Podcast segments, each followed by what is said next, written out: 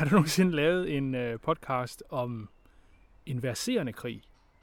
Nej, Nej, det det har er jeg faktisk heller ikke. Vi har lavet nogle om 2. verdenskrig, men vi har faktisk ikke, øh, ikke så mange om verserende krig. Nej. Så det skal vi prøve. Der er faktisk nok at tage fat på, hvis Ja. det var. Lad os prøve det.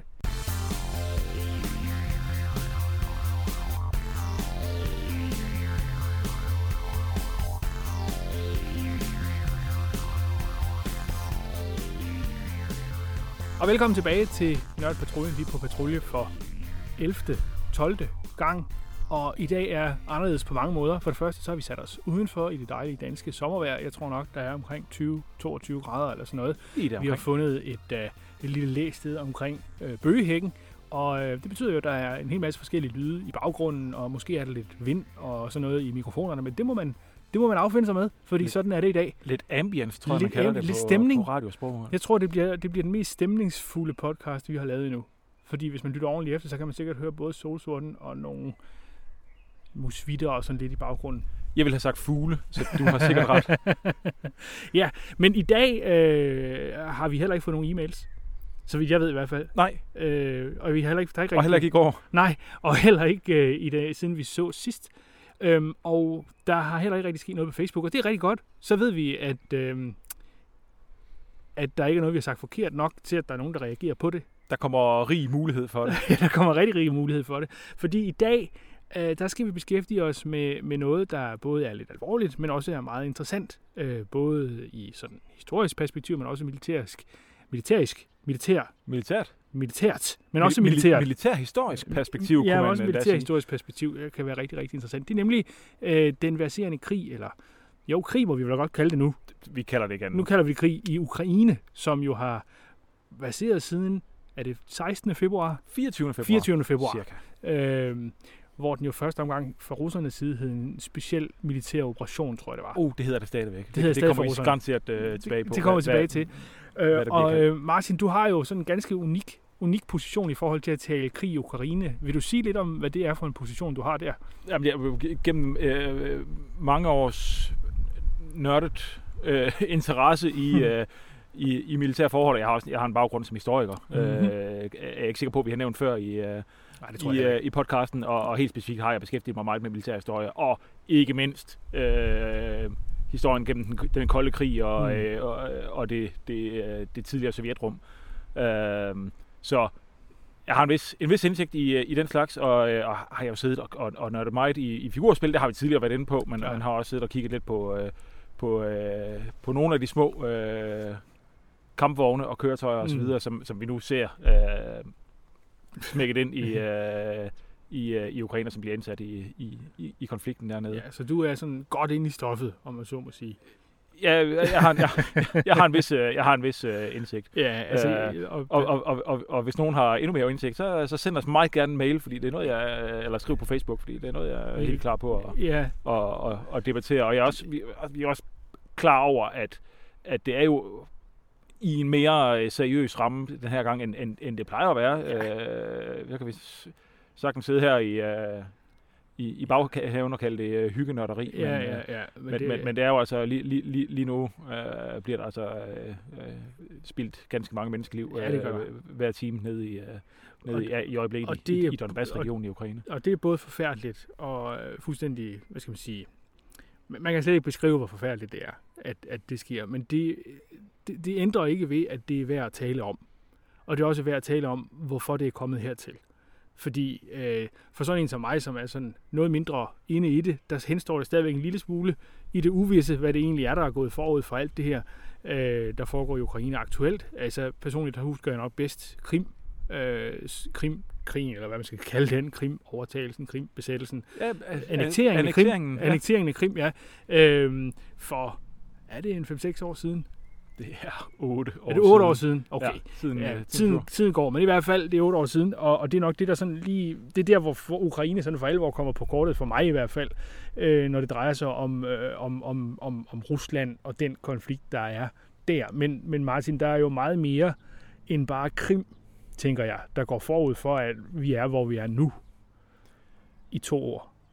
ja, i, i to år. Ja, Jamen, det, det, det, det er jo... Det, det, altså, det, går, det går mange hundrede år tilbage, mm-hmm. øh, det her. Men, men, men, men det interessante er jo faktisk et stykke hen ad vejen. Der, der er jo ja, der er flere, der er flere parallelle spor i, Mm. øh, i det her. Men efter, efter den kolde krig sluttede, øh, og Sovjetunionen blev opløst i, øh, tilbage i, øh, i 91, så, mm-hmm. øh, så blev øh, Ukraine jo øh, helt, helt, helt, helt formelt øh, selvstændig øh, øh, komplet øh, stat. Og havde jo nogle områder, blandt andet, blandt andet Krim, som, øh, som de havde fået af Sovjetunionen tilbage i 50'erne, mener jeg det var. Mhm. Øh, eller øh, af, den, af Rusland som en del af, af Sovjetunionen.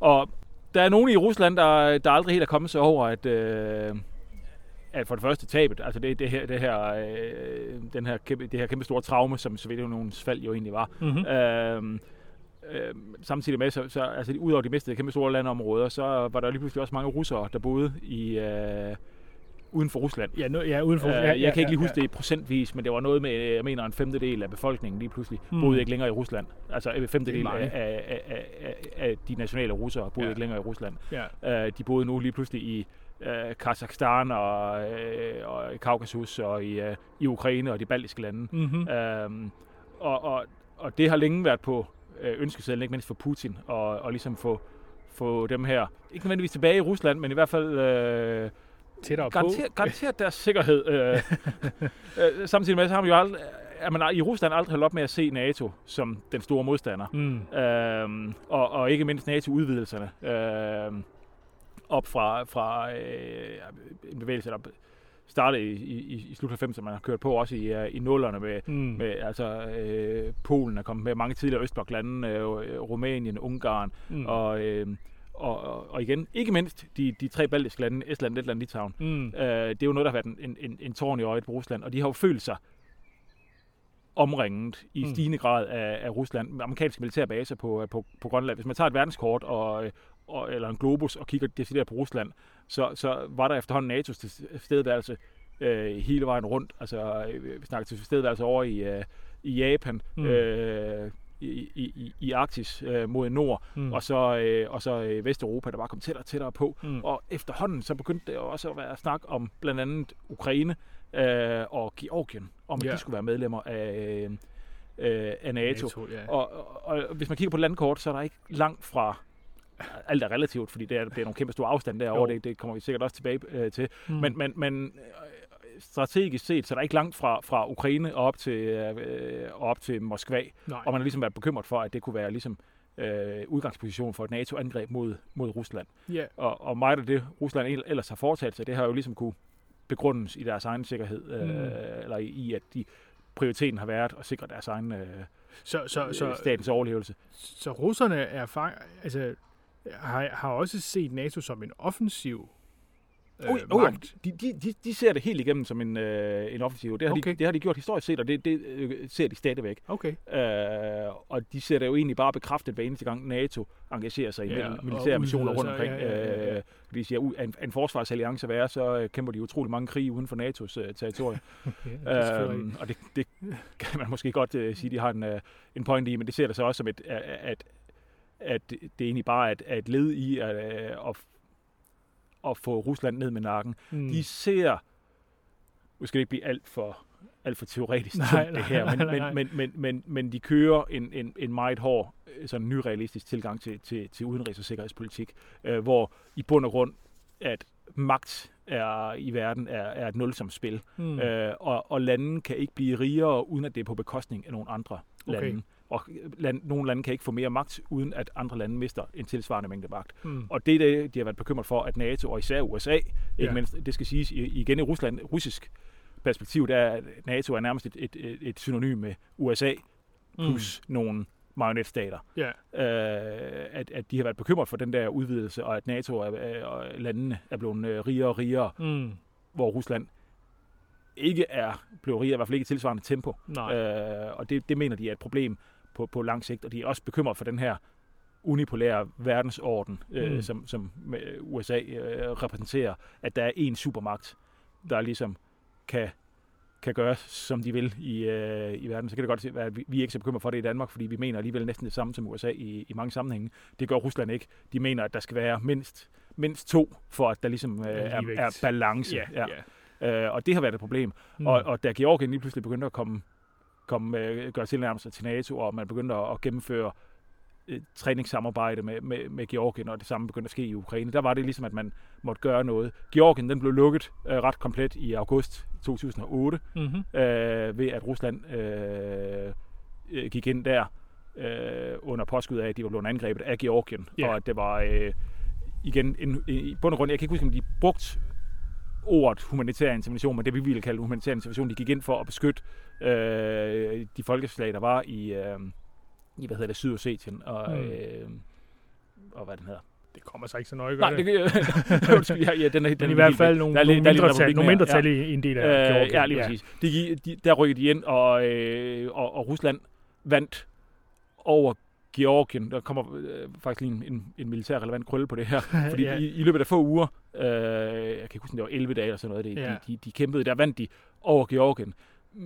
Men de lavede så mange fejl undervejs, og, og, og tog faktisk store tab, øh, Mhm. mm-hmm. Rusland, fordi de var, de var underlegne på, en- på en række områder, og havde nogle store problemer med øh, blandt andet manglende satellitkommunikation og øh, manglende GPS-dækning. De, var, de havde mm. kun amerikansk GPS øh, til at, altså satellitnavigation.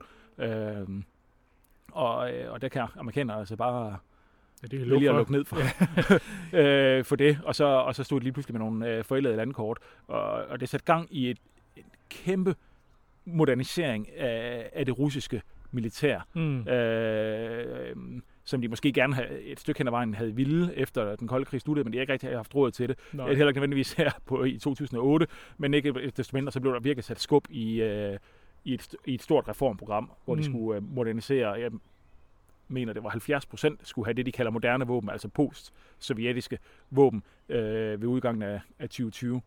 Øh, det, var, det var kæmpestort, samtidig med, at de så lancerede deres eget russiske satellitnavigationssystem, mm. øh, GLONASS, øh, som, som ligesom skulle kunne agere uafhængigt af, af det amerikanske GPS-system. Mm. Øh, og der, der var en række øh, initiativer, de, de, de uh, satte i sving, og det er så ligesom det, der, der nu har kulmineret Mm. mm. øh, på nuværende tidspunkt. Ja.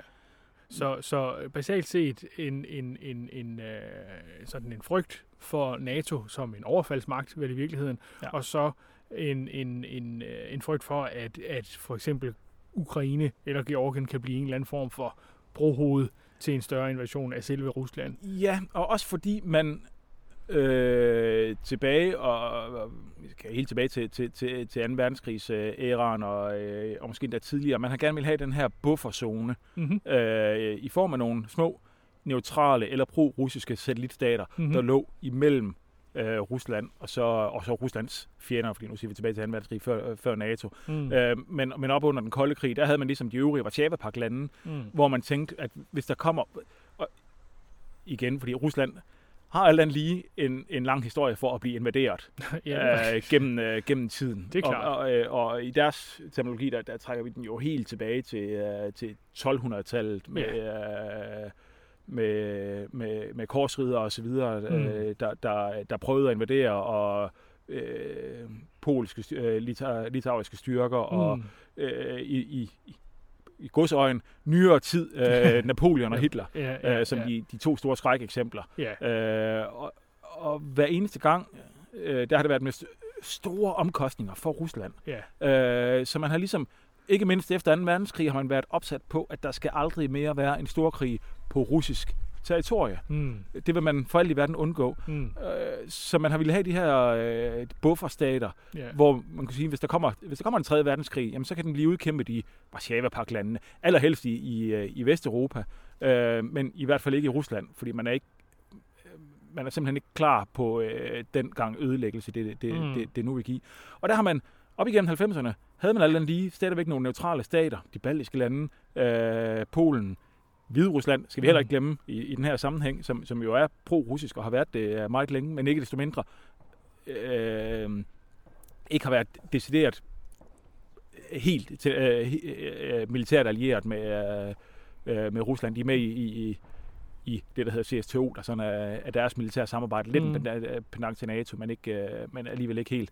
Øh, og så har de haft Ukraine, som var neutral, havde, havde været på spor til at blive kørt ind i Europa. ja. Og så i, øh, i 2013 der øh, annoncerer øh, præsidenten, at, øh, at de vil afbryde samarbejdet med EU og køre en mere pro-russisk retning. Ja. Og det afføder øh, store øh, demonstrationer hen over vinteren og i øh, januar februar måned Mm-hmm. øh, 14. Øh, store demo, øh, demonstrationer mod præsidenten øh, i, øh, i ikke mindst i, i Kiev, men, men, men mange steder i Ukraine. Og det ender med, at, at, at øh, præsidenten må flygte til, øh, til, til Rusland. Ja. Øhm, og de får så, øh, det var, hvad hedder det, Janukovic, Ja. og så får de Poroshenko ind i, øh, i stedet for. Mm-hmm. Øhm, og Rusland benytter lejligheden på daværende tidspunkt til at lave den her annektering Mhm. mm-hmm. af øh, Krim. Øh, ved, øh, altså det, det, det er så opstillet, som, øh, som noget kan være. Altså de, de øh, sender tropper øh, afsted, som ikke har nogen øh, markeringer på, øh, på uniformerne. Mm. Øh, så man kan ikke lige umiddelbart se, at det er øh, russiske specialstyrker. Mm. Øh, de får øh, jamen altså, øh, kriminelle motorcykelbander og Mm. alle mulige til at, til at øh, tage, tage, tage til området og starte nye optøjer. Mm. Øhm, og i vestlige medier går der faktisk et stykke tid, inden det går op for folk, at de der optøjer, der er nede på Krim, de handler om noget andet end optøjerne andre steder i, øh, Mm. i Ukraine. Ja. Øhm, og de blokerer øh, kaserner og politistationer, så, så politi og militær ikke rigtig kan, kan, kan komme ud og få at vide, hvis I, hvis I går ud af hegnen, så bliver, så bliver I skudt. Øh, og de, Oh. de, er slet ikke, de, er, de er slet ikke forberedt på det her, fordi de dukker mere eller mindre bare op ud af det blå. Mm. Og så laver de en folkeafstemning, øh, om de skal løsrive sig fra Ukraine og blive øh, indlemmet i, øh, i Rusland. Og der er nogle af 90 procent, jeg tror det ligger op på en 96-97 procent, der stemmer for. Mm. Øh, sandsynligvis øh, er der noget fusk ved det. Det skal siges, at de fleste på Krim øh, var russisk sindede. Ja. Øh, der er så forskel på at være russisk sindede på, gerne ville være indlemmet i den russiske federation. ja. Øh, men under alle omstændigheder, der er en folkeafstemning, og fra den ene dag til den anden, så Krim, det bliver bare russisk, og man når ikke rigtig at, øh, Og gøre at noget. gøre noget. Nej. Øh, over i Donbass-regionen, som også øh, langt hen ad vejen bliver beboet af, af, af russiske statsborgere, øh, eller ikke russiske statsborgere, jo, for, for nogens vedkommende, det, er- det er en helt anden historie, det kommer vi ikke ind på i dag, med, med, med statsborgerskab. Ja. Øh, men, men i hvert fald russisk sindet over i Donbass-regionen i det allerøstligste øh, Ukraine. Der er nogen, der får den gode idé, at øh, hvis de kan have på Krim, så kan vi også her. Mm. Øhm, nu har jeg læst et par steder, der var, øh, jeg, jeg, jeg, jeg læste en bog, der, der er mange ting, der peger på, at det ikke, øh, det ikke lige nødvendigvis var, var noget, Rusland på samme måde var, var øh, indstillet på, at Mm. Donbass også lige pludselig skulle, øh, skulle rives løs. De havde et øh, sådan Også perfekt... det, det er sådan, det er Donbass egen idé, mere end det er Ruslands. Ja, øh, ja okay, fordi ja. Rusland er ikke med der fra, fra dag 1. Det var de nede på Krim. Mm. Der, der er det russerne, der rykker ind og, og starter det her. Over i Donbass-regionen, øh, bestående af de to regioner, øh, Luhansk og, og, øh, og Donetsk, Mm-hmm. mm. der, øh, der laver, starter de deres egen mobilisering og deres eget oprør, øh, væbnet oprør, som, som ikke går alt for godt, fordi Ukraine når rent faktisk at få mobiliseret hæren og sætter det ind for at slå det her ned. mm. Og Rusland ender med mere eller mindre modvilligt at blive trukket ind i den her konflikt og sender så tropper ind for, øh, for at hjælpe dem. mm. Øhm, og det fører til en krig øh, i området, kørende over. Jamen, det, det har jo sådan set kørt øh, lige siden. Mm. Øh, jeg vil kalde det en borgerkrig. Mm. Øh, Ukraine har selv, apropos hvad man, hvad man kalder tingene, har kaldt det en øh, antiterroroperation. Ja. Øhm, og øh, jamen det, det er sådan en lavintensitet krig, der har været. Den, den, den var højintensiv i, i 2014 og, og, og lidt ind i, i 2015. Og så blev fronten ligesom låst fast. Øh, og man begyndte med de at indgå de her Minsk-aftaler, med, som var sådan en forsøg på noget våbenhvile, Mm. som ikke helt blev egentlig våbenhvile, men der kom nogle begrænsninger på, hvilke øh, hvor tunge våben man måtte have, hvor tæt på fronten. Mm. Ja. Og, så, øh, og så gik det ligesom i sig selv, og det er ikke fordi, fordi der har været daglige tab dernede, og der, der bliver skudt, eller har været øh, skudt dernede, hvad, altså dagligt fra øh, 2014 af og frem til, frem til nu. Men efter yeah. ligesom nogle, øh, et, et, et halvt til et helt års indledende øh, kampe, øh, nogle gange direkte mellem Ukraine og Rusland, øh, selvom øh, Rusland aldrig øh, officielt har indrømmet det, mm. så, så, så stillede det ligesom af, og, og fronterne konsoliderede sig. Øh, men det var kun halvdelen af Luhansk og, og Donetsk-regionerne, der ligesom kom en, blev en del af de her selvudnævnte folkerepublikker, mm. som så ellers lavede deres egen civile administration, deres egen her og så videre, som de har kørt, Okay. kørt med lige siden. Øh, og så er det ellers, at det har ligget stille frem til frem til øh, 24. februar i år. Ja. Og så er vi, hvor vi er nu. så er vi faktisk mere eller mindre, Ja, ja, øh, hvor vi er nu. Øh, Rusland havde tidligere øh, truet med i forskellige omgange. De havde tidligere lavet sådan en, en øh, det, der måske i dag mest vil virke som en testmobilisering. Det gjorde de for et, øh, for et års tid siden, Ja, øh, hvor de øh, det var også op i danske medier, og ikke, ikke helt lige så meget, øh, som, som, som, som det var hen over julen, men lige pludselig så var der 100.000 russere, mm. der havde set, hvor hurtigt de kunne mobilisere øh, op omkring grænserne, altså russiske soldater, der kørte yeah. ned og, og parkerede lige uden for Ukraines grænser. Øh, og så lå de der en måneds tid, og så kørte de hjem igen. øh, og man var jo lidt... Nogen var lidt bekymret dengang, ja. man var ikke helt... Man, man tænkte nok, det var formentlig bare en øvelse, men den lå lidt atypisk i forhold til, hvornår russerne ellers kørte de der kæmpe store øvelser. ja, Øh, og så var det jo så tilbage i december, at det skete igen.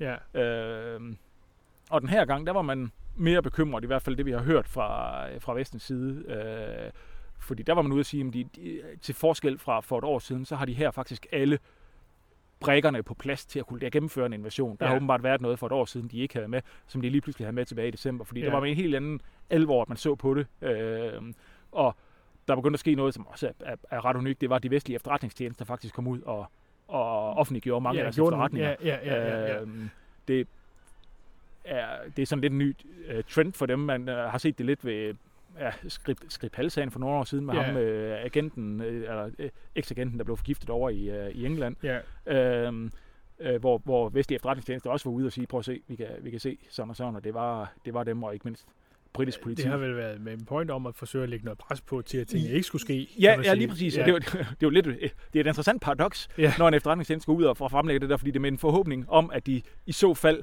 ikke vil, gør vil, det, vil de forudsiger. det, Ja. og, så, og, og så vil de jo tage fejl. Ja, ja, ja, Øh, ja.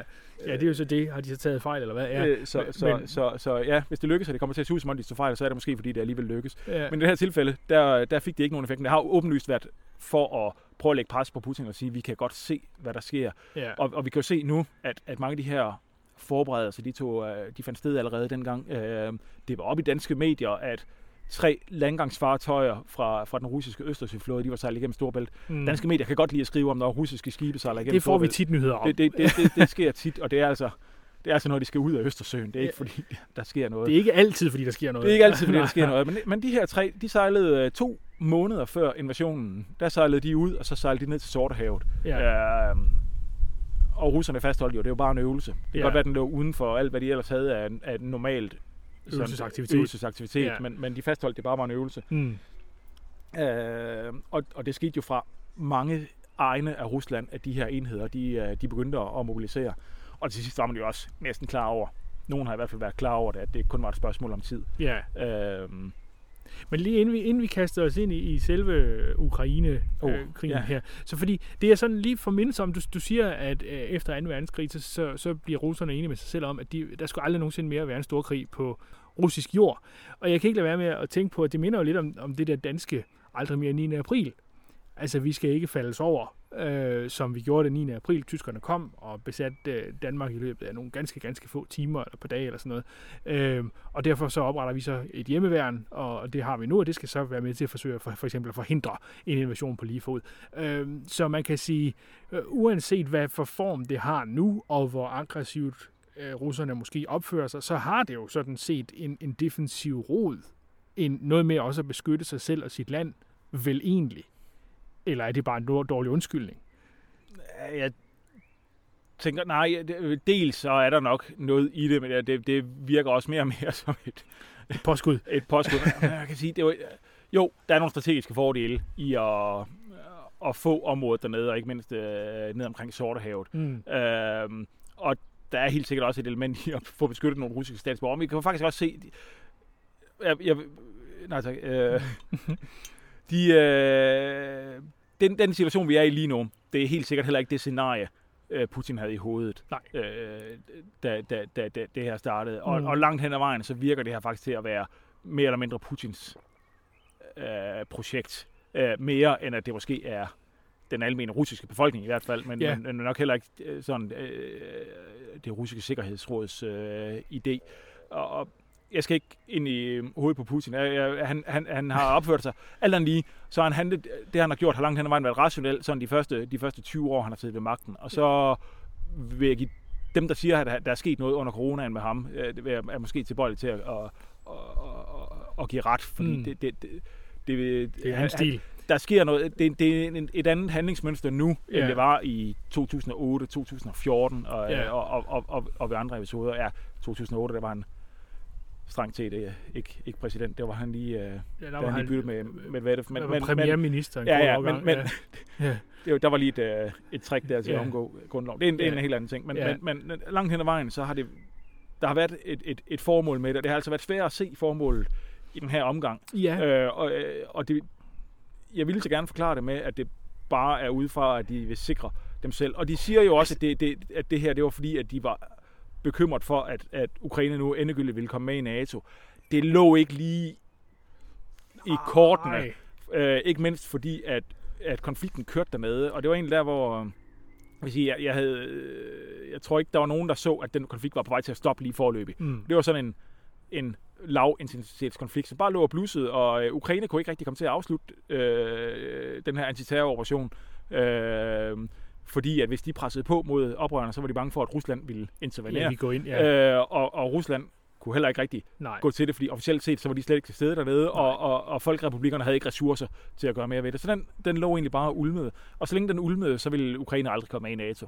Øh, fordi det, det, øh, man, man, man, man, tager ikke, man tager ikke landen ind, som har sådan nogle uafklarede konflikter kørende. Men, men, men, Øh, men aften, undskyld, aften før, øh, et par dage før, at, at russerne endelig går ind i den her specielle militære operation i Ja. Ukraine Ja. her i år, der holder Putin jo den her, skal vi kalde det tale, eller øh, forelæsning, eller hvad, hvor han sådan refererer tilbage til en ja, tusindårig historie, hvor Ukraine har været en del af Rusland og så videre. Oh.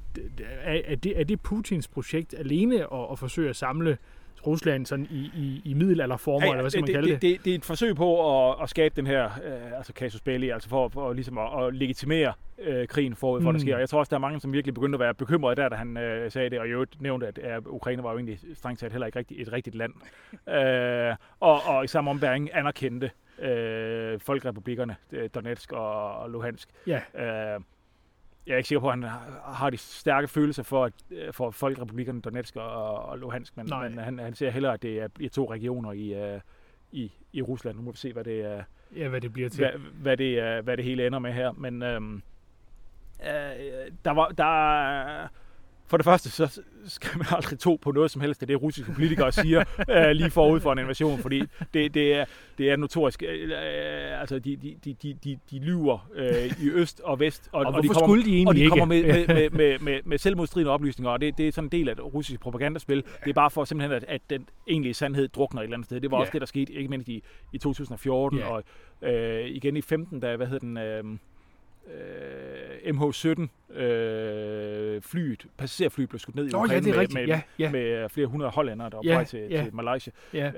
Øh, der, kom jo, der var de jo også lynhurtigt ude med alle mulige forklaringer, Ja. som stak i øst og vest Ja. og, og modsagde hinanden. ja. Men det var bare med til, at man ligesom, hvis man sad som, som, privatperson. som privatperson og Mm. kiggede, så tænkte man, "Ah, det, ah, det sgu heller ikke til at finde ud af. Øh, det er, øh, ja, det, Det- det, finder vi nok aldrig ud af, hvad sandheden er, selvom der måske var en sandhed, så, så prøver de bare at drukne det i, i, Alt mulig i 30 information. søforklaringer, Ja, ja, øh, ja. som stikker i alle mulige retninger. Ja. Det er det samme, de, de, de gør her, ikke også? Jeg tror, jeg kan ikke huske, hvem af dem, om det var Peskov, der, var, der ligesom er, er, præsidentens tals person. Ja. Uh, jeg tror, de kalder det en talsmand. Men, ja. uh, men, men, men præsidentens talsperson, der, uh, der var ude og sige, at uh, jamen, selvfølgelig invaderer vi ikke, og det var en uge før, hvor han sagde, selvfølgelig invaderer vi ikke, det er uh, Rusland, uh, der er aldrig nogen lande, der bliver invaderet på en onsdag, sagde Nej, han der onsdagen forud for. Underligt. og det var bare, hvor man ved jo godt, at, at selvfølgelig kan vi ikke regne noget som helst med det, de, øh, de siger. Nej, Og det, der ligesom har været, det er jo ligesom for at, at, at, at legitimere det, der nu kommer til at ske. Ja. Øh, og det har talen forud for os, øh, Til, også været. til gengæld er der jo et andet mønster, det er, at det er altid lige efter et vinter-OL. Eller er det bare OL? Er det ikke Nej, sådan? jamen, det, det, det skifter lidt. Ja, Nå, ja. okay. Øh, fordi øh, 2008, det var faktisk i forbindelse med, med øh, sommer-OL i Nå, Beijing. sommer-OL, ja. Det er sådan, det øh, at, de, øh, at de rykkede ind i, øh, i Georgien der. Og Ja. der var heller ikke, Georgienkrigen fik jo heller ikke ret meget Nej. Åh, oh, det gjorde det, men, men ikke i så stort omfang, selvom det jo Nej, strengt slet ikke som, også var, var slet ikke som den nu i det hvert fald. Nej. Georgien ligger også længere væk fra, fra, Ja. fra Europa, Ja, øh, end, end Ukraine gør. ja. Øh, 2014 i forbindelse med, med vinter OL i Sochi Ja. alle steder. Ja. Øh, og, og, og, og, og nu Så lige halen af vinter-OL over i og Japan der, er, derovre. der er jo mange spekulationer, fordi man, man gik jo og sagde, det var der, hvor de vestlige efterretningstjenester tog lidt fejl, fordi de var jo ude og sige, vi vurderer, at, at jeg tror, de var ude tre gange og sige, nu vurderer vi, at, at Rusland vil rykke ind, fordi nu er det på plads med alle tropper. Og, og inden for en måned, og inden for 14 dage. Ja. Hvis de gør det nu, så vil det være et rigtig godt tidspunkt. Det kommer sådan løbende i løbet af øh, januar, Ja, øh, siger, februar siger det måned. nok gange, og, og det faktisk Ja. sker, så ender man jo også med at have Og så, og så blev det til, at man sagde, at vi, vi, vi tror, at de vil vente til, til øh, OL i Beijing er færdige. Ja, Øh, og det, der var jeg faktisk øh, tvivlende på det tidspunkt, fordi de plejer Ja. ikke nødvendigvis at vente til det er færdigt. Men der Nej. kan have været nogle politiske årsager og hensyn til, til, til, til, til Kina, det skal jeg ikke kunne sige. Men det virker så også til, at det muligvis har, har givet lidt et problem, fordi det betød jo så, at, øh, at tøværet nåede at sætte ind i, øh, i Ukraine. ja, Så i stedet for frosne marker, så kom de til at køre på mudder, ikke mindst ja. offensiven nedad mod, øh, mod Kiev, da den, øh, da den startede, da de kørte ind fra nord. ja. Øh, så, så måske kom de lige øh, lidt, lidt for sent af politiske årsager. Mm. Og så endelig ender det med, at, at Putin han sætter gang i den her specielle militære operation. Hvorfor kalder han det en speciel militær operation? Er det bare fordi at give den det der humanitære undskyldning eller Ja, forklaring? Ja. ja, altså vi har jo også været... Altså vi gik jo heller ikke i krig mod Serbien i Det er rigtigt. 1999. Væbnet Øh, det, var, det, var en, det var en humanitær intervention Humanitært, ja. øh, i, øh, i Kosovo, Så hvor, det vi så, okay. hvor vi så Ja. ja. sønderbombede Serbien. Ja. Øhm, og, og, og der har han, det har formentlig været for ligesom at, at køre det med ind under der. Det giver ham nogle, nogle fordele på hjemmefronten, og det giver ham nogle, Mm. nogle ulemper, fordi alt andet lige, så er alt andet ikke i krig, men det betyder også bare, at det er svært ligesom at skabe øh, den her, det, det, det her, øh, den her høje moral, som der yeah. måske skal til, og, øh, og det der med at kunne mobilisere her, øh, både mobilisere befolkningen sådan øh, rent mentalt, men også kunne mobilisere her rent praktisk, fordi det kan han ikke øh, gennemføre komplet. Mm. Øh, han kan strengt taget heller ikke indsætte værnepligt i, i krig uden for Rusland, øh, uden at, at det bliver gennemført. Nej, men det, det, dukker jo så op, at det var sket alligevel. Ja, Ja. og jeg er faktisk ikke helt sikker på, hvordan de lige sælger den i forhold til hjemmepublikum øh, på nuværende tidspunkt. Og de har været ude og indrømme, at der er værnepligtige med, men de siger, at de indgår kun i støttefunktioner. De kører forsyninger frem og tilbage og, og kører med, med øh, militærhospitaler. Ja, de er ikke ude at slås. De er ikke ude at slås. Nej. Nej. Øh, jeg er ret sikker på, at det passer ikke. Nej. Men, men, men, øh, men, men, men nej, man går meget ud af, at det ikke er en, øh, er en krig, det her. Også på, til, altså til det niveau, hvor snakker vi meget om det her med, med at man kan komme i fængsel, det 13 år eller sådan noget, hvis man kalder det en krig i, i, øh, i Rusland. ja. Alt andet lige, vi, vi gør også meget ud af at trække kanterne skarpt op. Jeg, Mm. jeg, jeg, jeg tænker det op i den høje ende af, af straframmen. Altså det er jo heller ikke, øh, fordi vi ikke har, har, har høj straframme for nogle forbrydelser herhjemme, der måske kan virke, øh, der måske kan virke øh, Voldsomt. Nu, nu har vi ja. øh, Claus Hjort Frederiksen, der, der øh, på nuværende tidspunkt er fredet, men som måske også øh, Øh. bliver tiltalt for, for, for høj, højforræderi. Ja, landsholdet, ja, ja, Øh, ja, ja. som alt andet lige også ligger op i, øh, i, ja, den, det, i den det markant høje. meget Og der, det er jeg for. sikker på, ja. at russiske medier også kunne, øh, kunne lave et skriv om, hvor forfærdeligt det er i Danmark, at man ikke kan, Ja, ja, ja, ja, ja. kan, kan, kan, kan, kan dele informationen og sætte, sætte, sætte oplysninger fri. ja. Øh, øh, nej, vi, det, var, det var lige lidt et tidsspor. Jeg er ikke sikker på, at der er ret mange, der får 13 års fængsel i Rusland for at ned på gaden komme til at kalde det en krig. Nej. Øhm, men, men, men det er der noget, de er opmærksom på, og det kan vi også se, øh, når ikke mindst vores, vores enige, øh, tror jeg, danske journalist Mathilde Kimer øh, rapporterer fra, øh, fra, fra, øh, fra Rusland, siger, at det, det er, man er opmærksom på, hvad man siger, når Ja. man er ude i offentligt rum i hvert fald. Mm. Øh, og, og hvem der er i nærheden, når man siger ting, Ja. øh, og så videre. Jamen, så kan vi jo bare øh, køre videre til den her øh, særlige militære operation, som vist nok er den første særlige militære operation, Rusland har iværksat, hvor de øh, sætter over 100.000 soldater ind. Nogen, nogen sætter, siger op mod 200.000 soldater. Det er mange. Det er mange. Det, altså den russiske, de russiske væbnede styrker i sig selv er på normalt på lige under 1 million. Ja. Så er de 250.000. Nu, vi snakker i rundetal måske, men de 250.000 er måske værnepligtige. Mm-hmm. Øh, og så er der mange kontorfunktioner dækket ind af det her. Ja, der er, øh, de har de strategiske raketstyrker, øh, som ikke har noget med den her krig at gøre. De har øh, øh, søværnet og, og flyvevåbnet. Og, øh, og så, så har de her, det her det er altså, hvor vi snakker folk på jorden, Mm. øh, som alt andet lige, uden jeg skal sætte procenter på, så er det en stor del af den russiske hær, Mm. der er blevet sat ind i den her Mm. øh, særlige militære operation, og en og bestemt en, en stor del af den andel, der, der, der, der nu er blevet nedkæmpet, og som enten er, er, er døde eller såret, Mm. mm. eller, øh, eller på anden måde gjort, gjort ukampdygtige. Så det har jo været en, en vild øh, militær operation, og vi kan, øh, herfra kalder jeg det en krig. Ja. Ja. En, en vild krig indtil, øh, indtil nu. Ingenting i forhold til tidligere verdenskrige, Ja, og, øh, og det, vi, vi er ikke på det niveau. Men, men, men vi er jo der, hvor jeg kan sige, de, de, de fleste estimater på russiske øh, tab, øh, der tager vi ikke lige Ruslands egne estimater med på nuværende tidspunkt, som stadigvæk ligger på, på lige over 1000. Ja. Øh, men jeg tror, de fleste estimater ligger på, på lige omkring, lad os sige 15, 15 måske 20.000 øh, Russiske soldater. russiske soldater, der er det er omkommet. også mange. Det er mange. Øh, og, og, og, og i forvejen, der havde man jo i Rusland et stort nationalt traume. Ja, man har været kommet over det, men, man men har mange fra, fra, man har mange nationale traumer, men, men, men ikke mindst øh, Afghanistan-krigen, fra, der kørte fra 79 til 89. Ja. Det er godt. Det er ved at være mange år siden nu, og det er måske ikke så meget et, et traume mere, men det var det i 90'erne. Mm-hmm. Der mistede de 10.000 soldater, Ja. i igen i rundetal. Ja.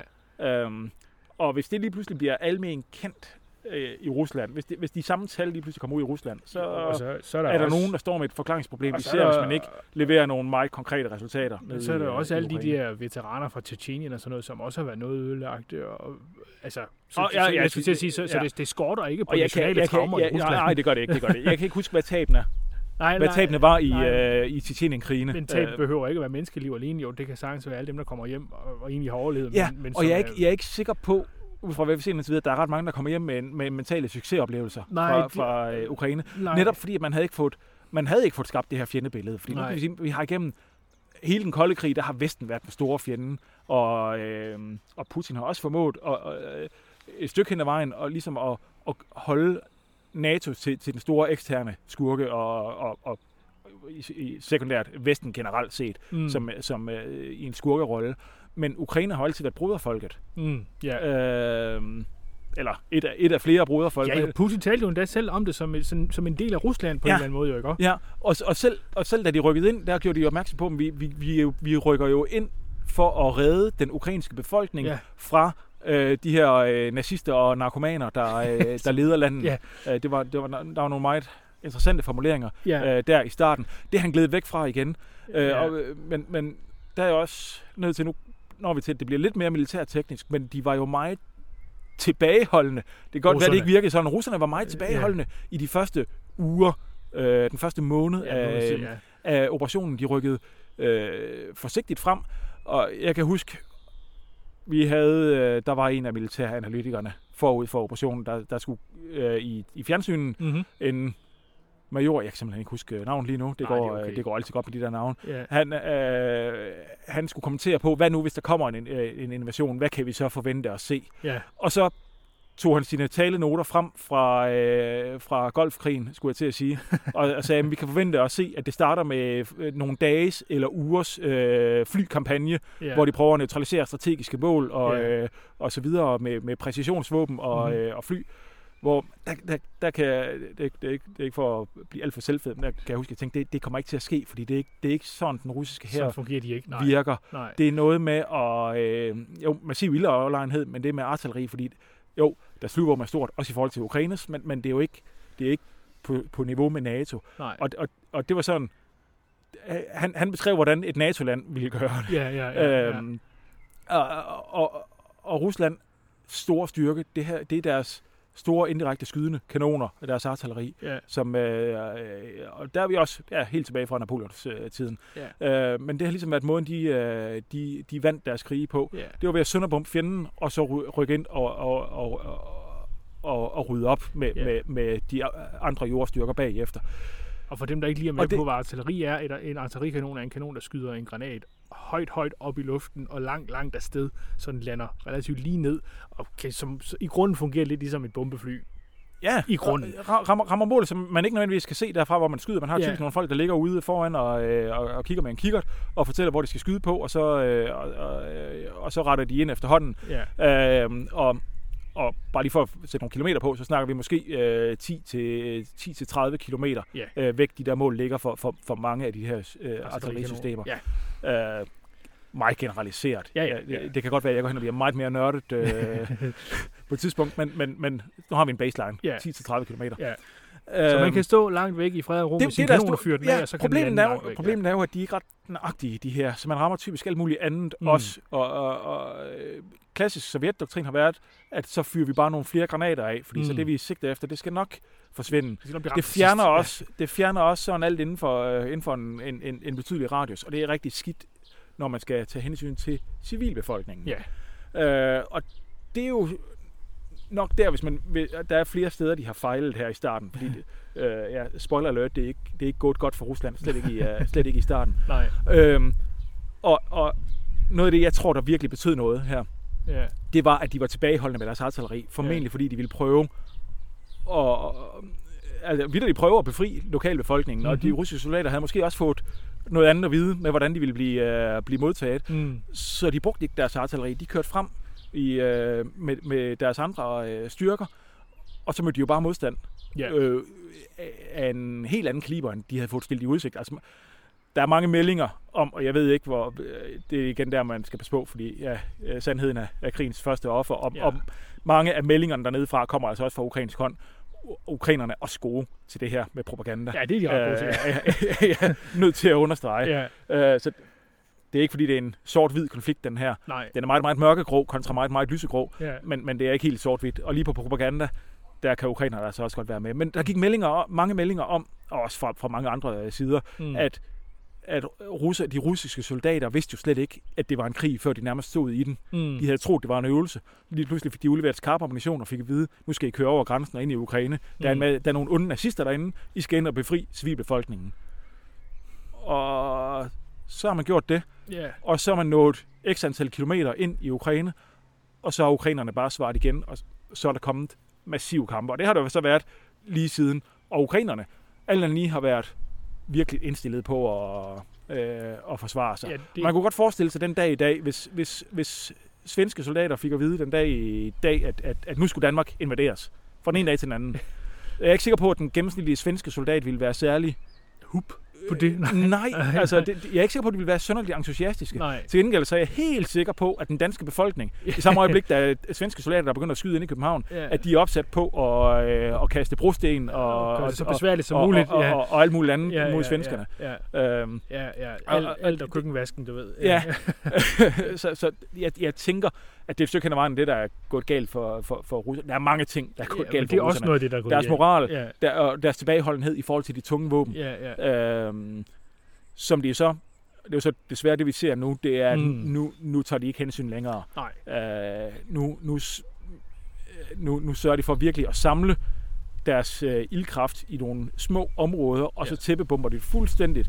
Øh, og, og det kan de ukrainske soldater altså ikke øh, øh, stå imod. Lige for kontekstens skyld, der hvor vi, altså i indspillende stund, der er det, der er det nede i, øh, i øh, Luhansk, øh, Ja. provinsen, at de, at, at de hårdeste kampe, de finder sted, og det er øh, byen Severodonetsk, der, der bliver øh, kæmpet om øh, lige nu.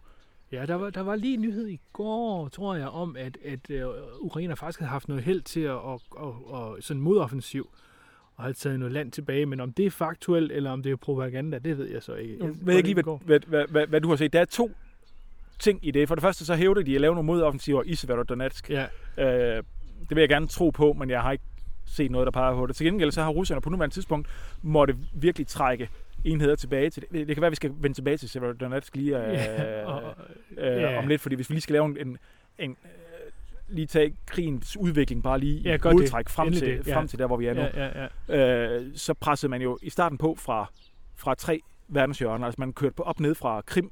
Og har Øh, mand det er russerne stadigvæk. Ja, Ja. Rusland pressede på fra tre sider. Ja, Øh, op nordfra, fra både Rusland og, og Hvide Rusland, som de havde Mm. fået lov til at, øh, at bruge som, som øh, udgangsområde. ja. Øh, så pressede man på ind gennem øh, Donbass-regionen, Mm. øh, langt hen ad vejen. Øh, hvad hedder det? Øh, Donetsk og, og, og, og Luhansk, skal- hvad hedder det, øh, to øh, armékorps, der, Mm. der kørte på der til deres egne styrker. Øh, men man, man kørte også på op ved Kharkiv, den næststørste by, som også ligger meget tæt på grænsen til Rusland, faktisk 30 km fra. Mm. Øh, og jeg var faktisk blandt dem, der, der tænkte, at Kharkiv den ryger sådan noget af det første, hvis, øh, hvis krigen øh, ryger. Jeg havde som så mange andre lige glemt, hvor langsomt det går, når man snakker byer, og ikke mindst byer i millionstørrelsen, som, som Ja. Kharkiv er. Ja, ja. Øh, og så presser man på nede sydfra, fra Krimhaløen, Mm. øh, som er jo alt andet lige har haft siden, siden 2014, og, og som er ganske godt udbygget. Øh, og der kørte man så på op, og indledningsvis pressede man hårdt på mod vest, mod den by, der hed Kherson, som faldt ret tidligt. Mm. Så gik man ligesom i stå på den anden side af Kherson på vej op mod den by, der hedder Mykolaiv, der også ligger langs med kysten. Så gik man i stå der, så en del af styrkerne de vendte om og kørte østpå i stedet for. Øh, og det var så det, der ret hurtigt blev til, til det her den her store omringning af Mariupol, øh, havnebyen. Ja, det her, som- det her stålværk, som sådan stod Ja, som og det bastion det sluttede af med stålværket, Ja, men i, ja, i ja. en lang periode var det jo en stor lomme øh, med, med hele byen. Ja. som var omringet, øh, som man kæmpede på, så efterhånden blev man langsomt trængt tilbage i den her by, og det er jo en, ja, det er en, en, en, en, en, en, tragedie, alt hvad der foregår i, uh, Helt sikkert. i, uh, i, i Mariupol. Men jo, det sluttede af med det her stålværk, som lige pludselig uh, holdt stand i... Uh, Alt for lang tid i forhold til, hvad- i forhold til, hvad alle man efterretninger måtte, sagde måtte, måtte, måtte, måtte forvente. De der, Ja. det der amerikanske... Ja, Institute for the Study of War, ja, de, blev jo, de blev ved med i deres daglige uh, meldinger at sige, at vi forventer, at det, det uh, falder inden for få dage, det Ja, her stålværk. Og det sagde de i lang tid, Ja, faktisk. og, og til sidst så, så stod der simpelthen i deres officielle øh, sådan, uh, headlines, eller hvad Ja. hedder det, uh, som uh, key points, uh, Ja. der stod, uh, jamen, uh, stålværket uh, holder uh, åbenbart stadigvæk uh, ja, stand sådan imod... over, øh, overraskende. nok, så, så holder, still, ja. ja. et eller andet i retning, ja. der var, de havde nogle, nogle interessante formuleringer Ja, lige ja. og så, så faldt det så, eller de overgav sig så et par ja, dage til efter. sidst, ja. Og ukrainerne det- sagde, at nu det- var det fordi, de havde løst opgaven og havde holdt stand længe nok til, at russerne var blevet bundet dernede. Det var en stor fed propagandaløgn fra, fra ukrainernes side, fordi der var ikke ret mange russere tilbage heller dernede. Den der, Nej. man kan sige, i starten, jo, der bandt de en masse russiske enheder, dengang det var hele byen. Ja, Øh, der var en masse russiske enheder, der var dernede, øh, som ikke kunne komme ud og kæmpe andre steder. Øh, til sidst, der var der nogle tjetjenske lejesoldater, og så lige nogle, øh, nogle, nogle små enheder, som alligevel ikke kunne, ville kunne bruges andre steder, der, der, der var dernede, så der var det mest symbolsk. mm. Øh, og resten var rykket nordpå, op mod, Mm. mod Donbass. Nå, men, det vi- blev, men, det blev, men det var øh, en, en vild historie at følge med i. Det Ja. der øh, stålværk, kan jeg huske. jamen, det, også, det, og- det, og- det, øh, Og det blev sådan lidt, man fik sådan mindelser om sådan noget Stalingrad og sådan noget. Jo. Øh, at, at det blev sådan, det blev også en, det, det var ikke bare en militær pointe, det var også sådan lidt en, øh, hvad skal man sige, øh, en eller anden form for øh, Ja.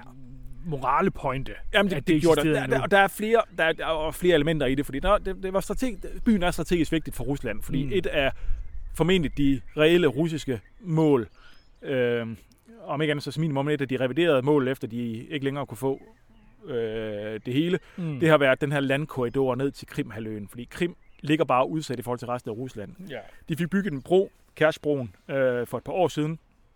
Det ligesom gik over det, af det der hedder Kærsstrædet nede fra, øh, fra Rostov-regionen over til, til, til, til, til Krim. Men det, det, det er stadigvæk bare træls. En, øh, det har været lidt en træls enklave, der er lidt mindet om ja, Kaliningrad op mellem, mm. Mm. mellem Polen og Litauen. ja. Øh, og været sådan lidt en, en, en hovedpine for, for, for Rusland, ikke mindst ja. ud fra et militært synspunkt. Så, ja. så, så det giver god mening for Rusland at få en landkorridor og ligesom få sikret kystlinjen hele vejen øh, fra, fra øh, fastlandsrusland og så ned til, til Krimhaløen. Mm. Så på den måde, og der ligger Mariupol lige midt, øh, øh, midt på vejen. mm. Og, og Mariupol har længe været den by, der ligesom lå i første frontlinje under øh, i, i kampen mod øh, Folkerepublikken Donetsk. mm. Mm. Øh, og, og øh, der er faktisk, hvis du går ind og kigger ind på, på Google Earth øh, for eksempel, der kan du se øh, skyttegravsanlæggene øh, op lige øh, uden for Mariupol. Der, der har været der igennem mange år, øh, simpelthen fordi det var der frontlinjen gik mellem Mm. separatisterne og, og ukrainerne. Så på den måde var den blevet meget symbolsk. Og så kommer vi heller ikke udenom, at det var dernede, at SOF-bataljonen lå, som var den her ultranationale, højre radikaliserede, langt hen ad vejen nynazistiske gruppe af, af ukrainere, som, øh, som, øh, som havde kæmpet for Ukraine. Den var, den var opstået i det højre radikale miljø som en frivillig bataljon under øh, borgerkrigen, mm. og så var den ligesom blevet indlemmet i de, øh, i de, i de ukrainske styrker. Men har altid været lidt en, et problembarn for, øh, for de ukrainske øh, præsidenter, både, både øh, Poroshenko og, og, og nu Zelensky. mm. Øh, fordi, hvad skulle man gøre med de her? Man vil gerne have et moderat land, og så har man en flok nynazister, der er bevæbnede, men som alt andet lige kæmper imod ens fjender Ja. øh, og, og, og, og, og, og kæmper for Ukraine. Ja, det er jo, det er jo sådan, Øhm. det, må være, det må være, hvad kan man sige, det er sådan krigens pragmatisme på en eller anden måde, der sådan Ja. dukker lidt op. Og det, har været, det har været guf i russisk propagandasammenhæng, og det blev det jo ikke mindst, da man så lige pludselig kunne få omringet den her bataljon i Ja. Mariupol, Ja. øh, og, og nu få den nedkæmpet den, og, og mange har overgivet sig. Mm. Det, det var ikke alle i Mariupol, der var fra den her bataljon. Det var ikke alle i bataljonen, der nødvendigvis var, var nynazister. Øh, men det betyder ikke så meget i russisk propaganda. Nu har man Nej. fanget 2.000, siger man selv, nynazister. De er røgnet tilbage og afventer nu øh, og, og bliver stillet for retten. Og de bliver sgu nok ikke behandlet som, øh, som krigsfanger. De bliver, øh, de bliver formentlig dømt for noget, noget ret træls. Ja, som for eksempel krigsforbrydelser. De, ja, de, de, de, de, de finder noget krigsforbrydelser Ah, og okay. ekstremisme Ja, ja, øh, ja. et eller andet. De, de, jeg, jeg, jeg tænker, det bliver, de bliver sigtet for krigsforbrydelser. Okay. Eller også så bliver de øh, ikke anerkendt som hvad hedder det, lovlige kombatanter. Ah, øh, og så ja. mister de deres krigsfangestatus, så er de i bund og grund til at blive dømt for terrorisme. Ja, Øh, især hvis, hvis man siger, at det er Rusland, de har kæmpet og mod russiske statsborgere. Ja, Øh, ja. Der skiller man ikke nødvendigvis så meget. nej. Hvis det er civile, der griber til våben mod russiske statsborgere, så er det terrorister. Ja, Jeg, jeg er ikke inde i juraen. Jeg er helt sikker på, at det bliver, det bliver nok enten krigsforbrydelse eller, eller terrorisme. ja. Øh, Så der er ikke så stor chance for, at de vender hjem til Ukraine, tænker du? Nej, det tror jeg ikke. Og øh, uden at vi i øvrigt skal ind på alt for meget på krigsforbrydelser, dels Mm. øh, det, det, det bliver virkelig deprimerende for en, øh, for en hygge for øh, en nørdepodcast. hygge- Ja, ja, ja. Øh, og dels så er jeg ikke så meget inde i det, og, og meget af det her Mm. øh, er virkelig væk i, i krigens ord. Det er jo forlydende og rygter og på Mm, kryds og tværs, ja. og, og beskyldninger på, øh, igen på kryds og tværs. Ja. Og, og øh, jeg anerkender igen, at det her det er bestemt ikke sort-hvidt, fordi der er blevet begået krigsforbrydelser, jeg er helt sikker på, på, på begge sider. ja. Øh, jeg er til gengæld også helt overbevist om, at det, det er heller ikke bare en stor grå masse. Det er øh, igen lysegråt mod, mod meget, meget mørkegråt. ja, ja, ja. Øhm, og jeg er spændt på og frygter lidt og, og finde ud af, hvad, hvad bliver resultatet af den her filtrering, der, der går rygter om i de her filtreringslejre, Mm. øh, som alt lige bringer, bringer tankerne hen på, på koncentrationslejre og, og masse deportationer Mm. til Rusland af både ukrainske øh, borgere i de her byer, øh, måske bare for at få dem ud af byerne, så der ikke er så mange pro-ukrainere tilbage Mm. i byerne til, når der skal laves afstemninger, og ukrainske børn, som man måske mener kan genopdrages. Det er set tidligere under den kolde krig, ja. at man har lavet masse deportationer mm. øh, fra, jamen, fra Krim og fra de baltiske lande mm. og, øh, og så videre. Det er altså en, en frygtelig måde at føre politik på, men det er ikke desto mindre noget, som, som man i, i Sovjetunionen i hvert fald har, har haft i, i godsøjen gode erfaringer med, effektive Ja, ja, de- erfaringer med. De har i hvert fald haft erfaringer med det. Har haft erfaringer med Ja, det, så, ja. så jeg skal bestemt ikke udelukke, at det, øh, Det at det er noget af det, der, der, der, der sker lige nu. Men igen, ikke dvæle alt for meget ved det på nuværende tidspunkt, der, øh, fordi meget er baseret på rygter lige nu, Ja, og, og jeg håber, ved det ikke. jeg håber, der kommer nogle, nogle ordentlige undersøgelser ud af det på den Ja. anden side, hvornår det så end øh, Ja, ja, bliver.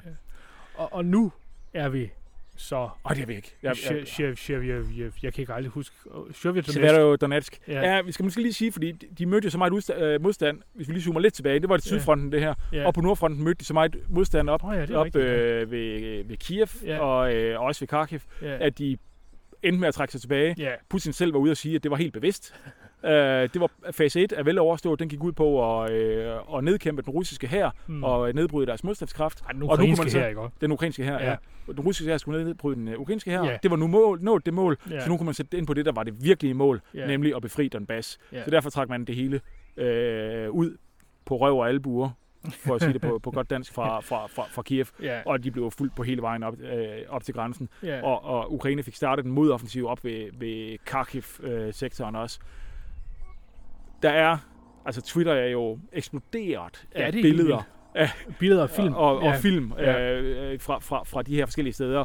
Og ja, vi kunne jo se luftborne enheder i krigens første dage, der prøvede at få den der Kostomel øh, lufthavn, lige, øh, også kendt som Antonov lufthavnen, Ja. lige, lige øh, nord for, øh, for Kiev, nordvest for Kiev, øh, hvor hvor den fejlede komplet, den der luftlandsætning. Måske ja. også en, de, de, måske ikke sådan noget af det, der op på de allerstørste politiske niveau lige havde en effekt, men det fik i hvert fald stor betydning for, for tropperne nede på jorden. Fordi Mm. hvis de havde fået den lufthavn, så havde de formentlig også kunne flyve en masse forstærkninger ind øh, i krigens første, øh, første dage, ja, uger. Ja, ja.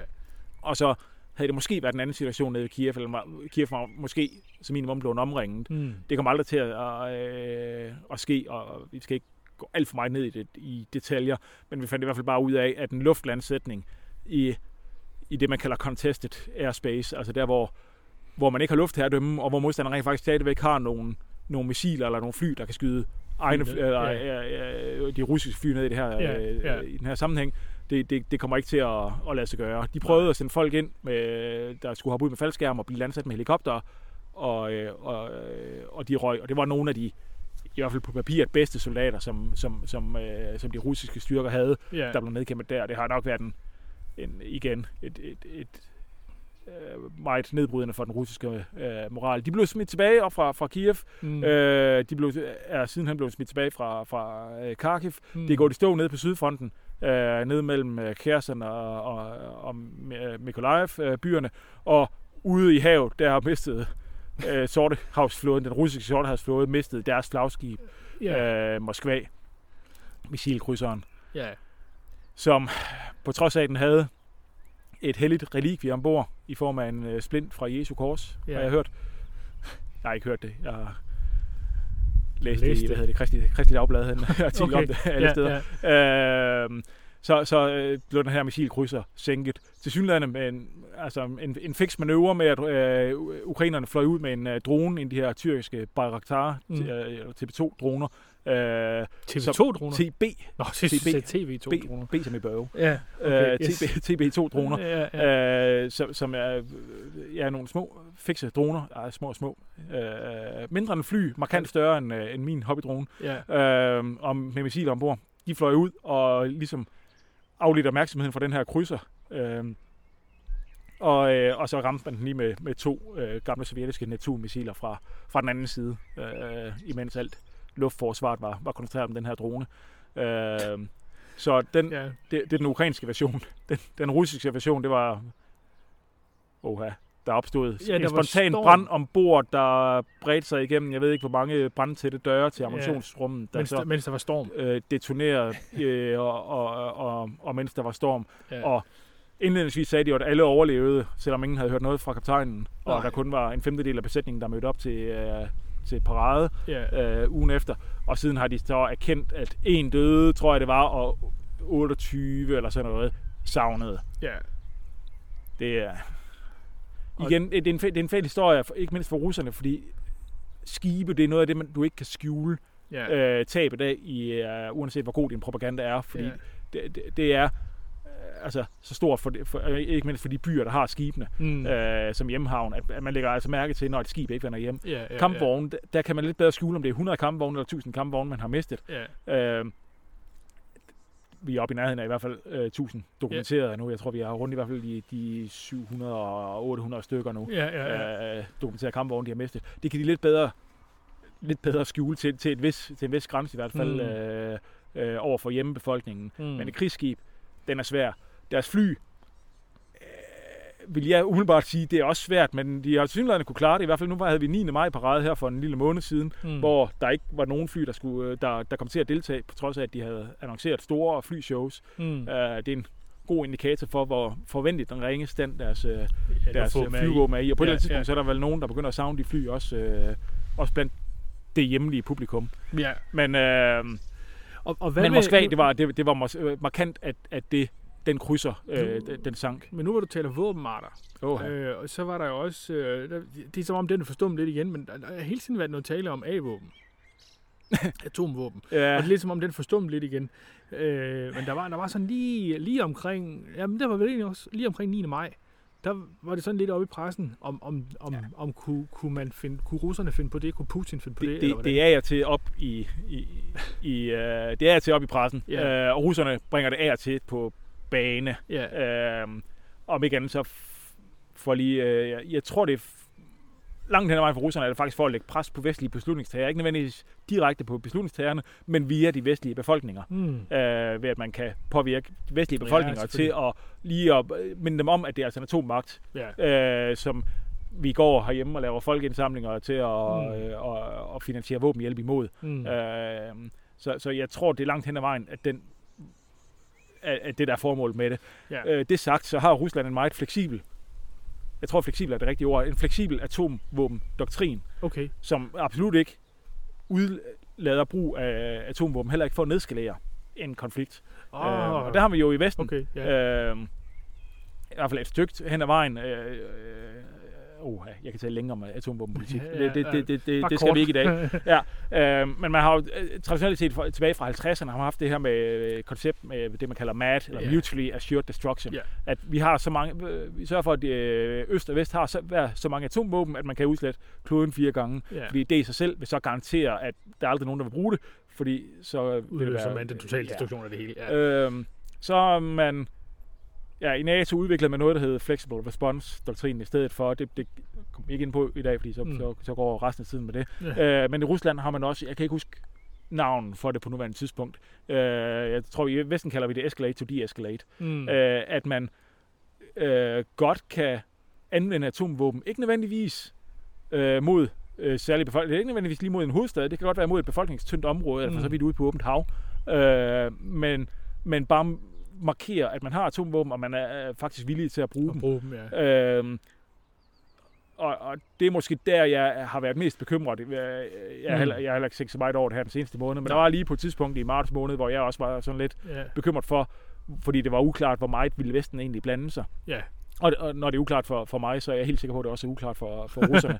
som, Ja. så, så, og mange af de her eskaleringer og, øh, og store katastrofer kommer som regel af, at den ene øh, part øh, fejltolker den andens intentioner. Mm. Øhm, og, og der kunne man godt være bekymret for, at Rusland ville være så bekymret, eller begynde at se det her som vestlig proxykrig på et sådan niveau, at de rent faktisk følte, at Rusland var truet. Mm. Og i samme øjeblik, de gør det, så ligger det øh, inden for de plausible rammer, at de kunne finde på at bruge et mindre atomvåben mod et øde område. Mm. Øh, og ja, et øde område, det kunne være ude midt i Østersøen, hvor de rammer tre fiskebåde. Mm. Øh, men i sig selv, så er spørgsmålet om ikke NATO måske lige ville trække følehornet Ja, til sig. af, ja.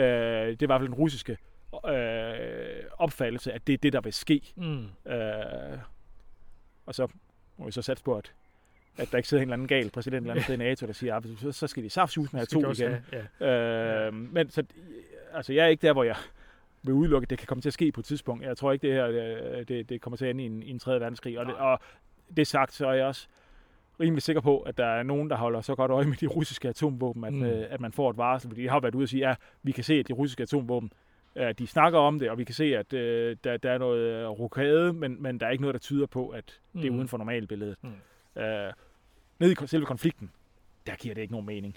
Nej. Øh, og, og, sådan rent militært Nej, øh, giver det ikke nogen mening her at anvende øh, atomvåben. nej. Øh, de har så meget, de kan anvende ind imellem, og det er jo så der, hvor de også er begyndt at bruge det almindelige artilleri nu. Ja. Meget, meget tungt. Og ja, de kan godt, de har nogle bitte små atomsprænghoveder, de vil kunne affyre med det almindelige artilleri. Mm. Øh, det, det, jeg tror, de er meget langt fra at, Mm. At ville anvende øh, det Ja, dernede. fordi man kan sige, den Ja. ja. pointen med at, udbombe det land, man i basalt set forsøger at, at, at, at, ja, hvad skal man sige, at frigøre, Ja. øh, det, det, det, det, virker jo meget, meget Ja, selv. jeg, jeg, er mere, jeg er mere bekymret for en atomkatastrofe dernede med alle de, øh, altså igen, Ja, de er atomkraftværker. Der har også ja. været lidt, nogen, der har siddet og haft lidt, øh, lidt sved på panden Ja, øh, ja, der ved, ja. ved øh, øh, hvad var det, europæiske atomenergiagentur og så videre, der, ja, ja, ja. der var temmelig bekymret. Det kan jeg sådan set Ja. godt forstå. Der har også været snak om kemiske og biologiske våben, bare lige for at tage den med. ja. Øh, også ikke mindst nede i Mariupol har der været rygter om det på et tidspunkt, at de Ja. kunne finde på at bruge det nede mod øh, øh, stålværket og så Mm. videre.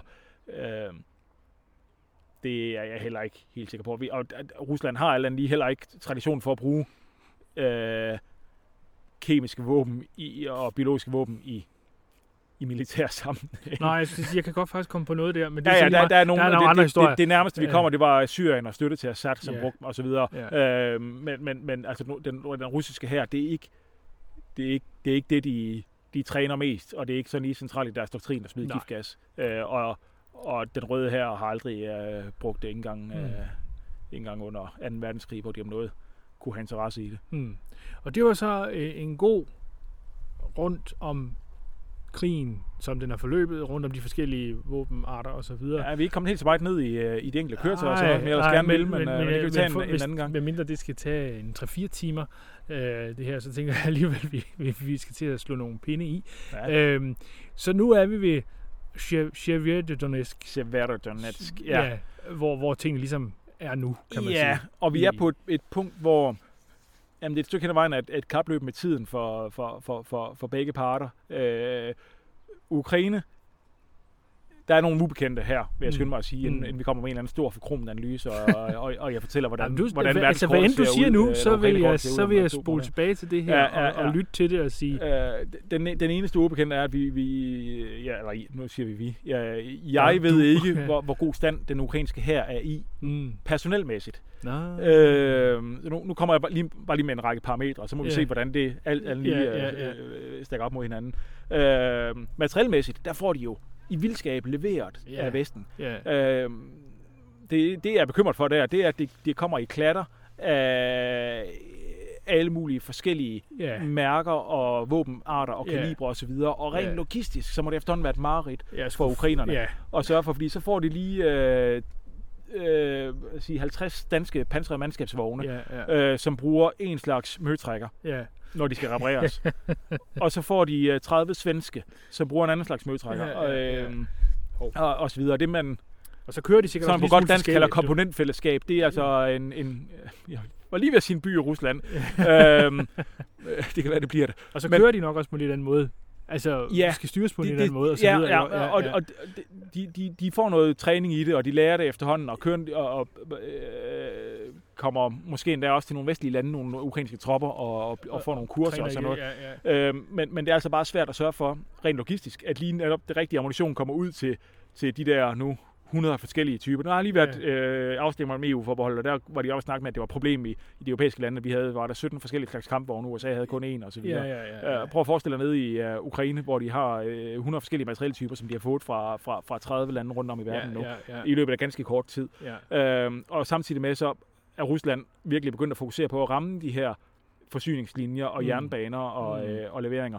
Uh, så, så det kommer til at, et stykke hen ad vejen at stå og falde med, hvor godt Ukraine kan udnytte Det, de, de fået, det, det ja. de får, øh, får ned nu. Ja. Hvor godt de kan anvende det, om de kan få kørt forsyninger frem til det, og om de kan erstatte det, øh, når der kommer tab.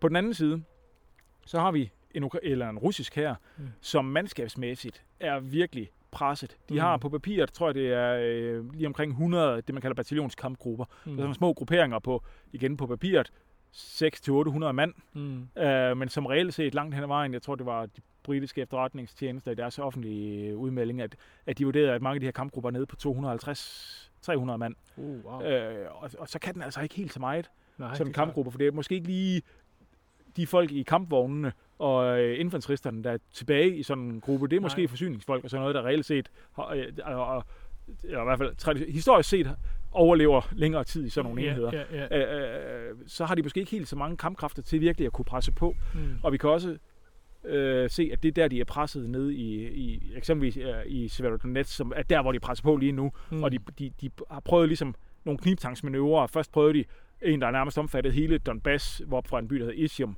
øh, i nord, hvor de prøvede at bryde igennem mod syd, og, og det gik galt. Mm. Så har de prøvet nogle mindre øh, knibtangsmanøvrer, hvor de blandt andet prøvede at lave en, øh, en øh, og ligesom forsere en flod øh, for Ah, det vil også ved at være en måneds tid siden. Mm. Øh, Åh ja, det kan godt huske, der var nogle billeder, Som, øh, ja, øh, hvad hedder den, øh, Severdsky Donets øh, hedder floden. ja. Øh, den, den, øh, den gik galt. Der mistede de en, en bataljonskampgruppe og lige omkring øh, en, en, en 60-70 pansrede køretøjer og kampvogne mm. og sådan noget. Øh, og forventeligt, hvad der svarede til måske 500 mand Mm. øh, i forsøg på at komme over en flod, som mislykkedes. Så de så prøvet at, at komme igennem sydfra øh, nu og prøve at omringe, og det er gået ok. Det er langt hen ad vejen øh, de her øh, legesoldater fra blandt andet øh, Wagner, Wagner Group, som det hedder på godt, godt engelsk. Øh, og så nogle, Som kommer egentlig fra, Wagner-gruppen kommer egentlig fra... de, de kommer fra Rusland, bare ikke officielt, er det fordi det, det, det, det, er forbudt at have... Nej, nej, det, det, du tænker på, øh, på tje- hvad hedder det, tjetjenerne. Ja, netop. Ja. ja. Øh, nej, De det, hedder ikke Wagner-gruppen, det er rigtigt. Nej. Ja, ja, ja. Øh, det her, det, det er russiske legesoldater, Ja. som har folkeregisteradresse et andet sted end Rusland, fordi det er forbudt at have legesoldater i Rusland, men, men, Okay. men, men det har de alligevel. øh, øh, det er dem, der presser på sammen med nogle øh, marineinfanterister, faktisk op fra, fra Kaliningrad. Det, ja. det, det er lidt interessant. Ja. Øh, de er presset på der, men det begynder også ligesom at løbe ud i sandet, øh, og de begynder at mø- møde modstand. Og så er det inde i selve Severodonetsk, hvor man prøver, hvor det i bykamp, fordi ja, den ser ikke ret stor ud på, på et landkort, den der by, men det er altså meget 100.000 stor. indbyggere, byggere, og det er ikke sådan en by, man bare lige tager fra, fra den ene dag til den anden. Øh, og, og de har virkelig igen brugt artilleri massivt til at komme ind i byen der.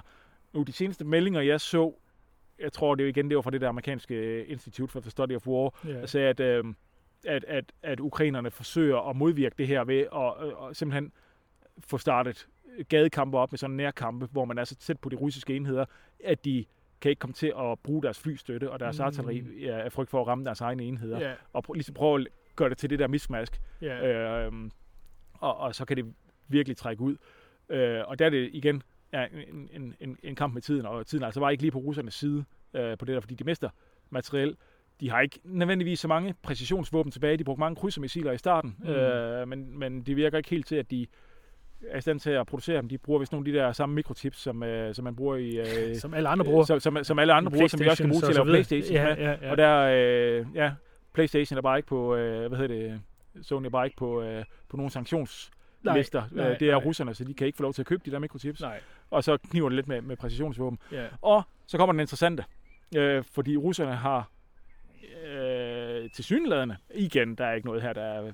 Der, der, Gjort i sten. Er, nej, Mm. øh, men til synlædende har de måttet trække enheder fra så mange andre steder af, af fronten for at komme derned, Mm. at, øh, at det generelt set er andenrangs enheder, der er tilbage, Mm. øh, meget spredt på de resterende frontafsnit. Så nede ved det her Kherson Mykolaiv nede på sydkysten, Mm. der er ukrainerne faktisk gået i gang med en, med en modoffensiv. Og det har ikke ret, ret meget fremme i, i hvert fald ikke i danske medier, Nej. øh, at de faktisk presser på dernede. Der har været lidt snak om, at, at, at Rusland ville gøre klar til folketings... Eller ikke folketings, nej. Øh, men valg, af, folkeafstemning hedder det. Ja. Folkeafstemning om, øh, om løsrivelse dernede. Ja, Øh, og det er altså et problem, hvis, hvis ukrainerne er midt i en offensiv lige rundt om byen. så er det svært at få, få det til at give nogle Ja, mening. Ja. og lige nu, arealmæssigt, det er ikke fordi, det er vanvittigt mange kvadratkilometer, de har tilbage i Robert, men, men Nej. de er altså i offensiven dernede øh, lige nu, og, og, og hver dag, der når de lidt videre frem, og russerne har bare ikke rigtig noget, de kan sætte ind dernede, fordi alt, hvad russerne har tilbage i Ukraine-området, det er, det er tilsyneladende koncentreret. Op, enten koncentreret op ved, ved øh, Severodonetsk, op i, i, i, i Lugansk-området, eller også så er de, øh, så er de tvunget lidt tilbage, simpelthen for at, prøve, for at hvile sig og genopbygge, fordi de er også ved at nå dertil, at de har brug for at, at få noget hvile, de her soldater. Mm. Og Men, få du, nogle friske men du, soldater. du startede jo også med at sige, at, at uh, Rusland har en her, der er lige knap en million mand stor. Og Ja, de har det- sendt det havde de i hvert fald. Det havde de. Og de sendte 200.000 afsted til Ukraine. Altså, Ja. det, det efterlader jo 800.000, og selvom alle sammen måske ikke er kampsoldater og så videre, så skulle det hvad, hvad, hvad, hvad snilt være 1.500-200.000 endnu, man kunne sende afsted. Hvorfor sker det ikke? Øh, jo, men det, det kan også være, det, det, det, formentlig så er der også en, en, en, en rotation, Okay. fordi der er, der er soldater, der kommer hjem øh, til deres hjemmeenheder. Ja. Øh, men men øh, man skal også bare huske på, at Rusland er altså bare et ufattigt stort land, og de har ja. altså også andre opgaver. Ja. De har fredsbevarende styrker rundt om, øh, nogle steder også i blandt andet Georgien, mm. eller øh, øh, Sydossetien, og Ja. øh, Abkhazien hedder den. Hmm. Ah, det var Den den anden, ja. Yes. Occasion, ja. ja, en time senere. Øh, ja. øh, og i, hvad hedder det, um, Nagorno-Karabakh, over i øh, den her provins mellem øh, Armenien og Azerbaijan, hvor der var øh, krig for halvandet år siden. Ja. Øh, og øh, de har en, en, en, en, en, en, lang grænsestrækning mod, øh, mod flere lande over i Asien, som Mm. de også lige skal Ja, altså, skal passe på. have, ja. have bemandet og have nogle garnitioner Ja, ja. Og, øh, og så videre. Og lige der at få lavet en rotation, det kræver altså lidt. Og så er der mange meldinger om, at de enheder, som enten har været dernede, de, de har ikke lyst til at komme tilbage øh, i kamp, og, Mm. og rygterne spreder sig altså også bare, at det ikke er et sted, man har lyst til at komme hen, Mm. øh, Ukraine. Øh, så der er, der er mange meldinger om øh, mytterier og så videre. Mm. Øh, så det kan godt gå hen og blive et problem. Jeg, jeg vil også sige, det er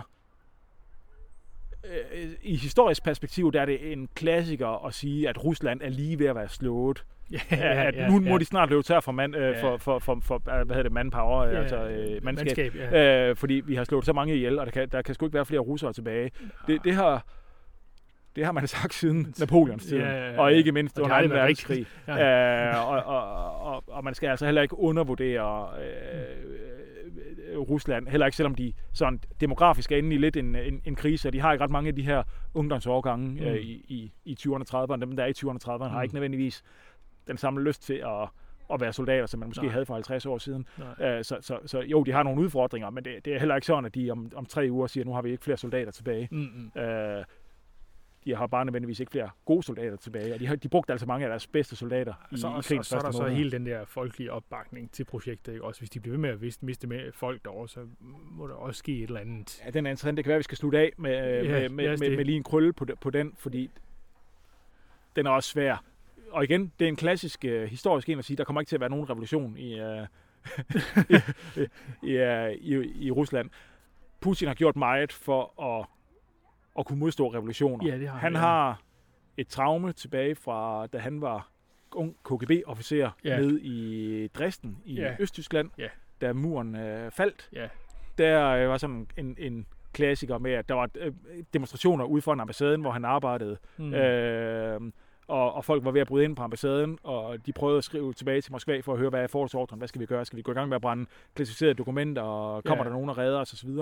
Og der kom ikke noget svar tilbage, og, og beskeden til, til, til staten dernede, og ham, han arbejdede for dernede, var bare, jamen, øh, Moskov is silent. Øh, øhm, og det har det har, det har sat sig nogle, nogle spor ved, ved, ved, ved Putin og gennem, og det er sådan en ting, der har været gældende øh, gennem hele hans regeringsperiode, det er, at han har været meget for, øh, hvad hedder, revolutionsforskrækket. Ja.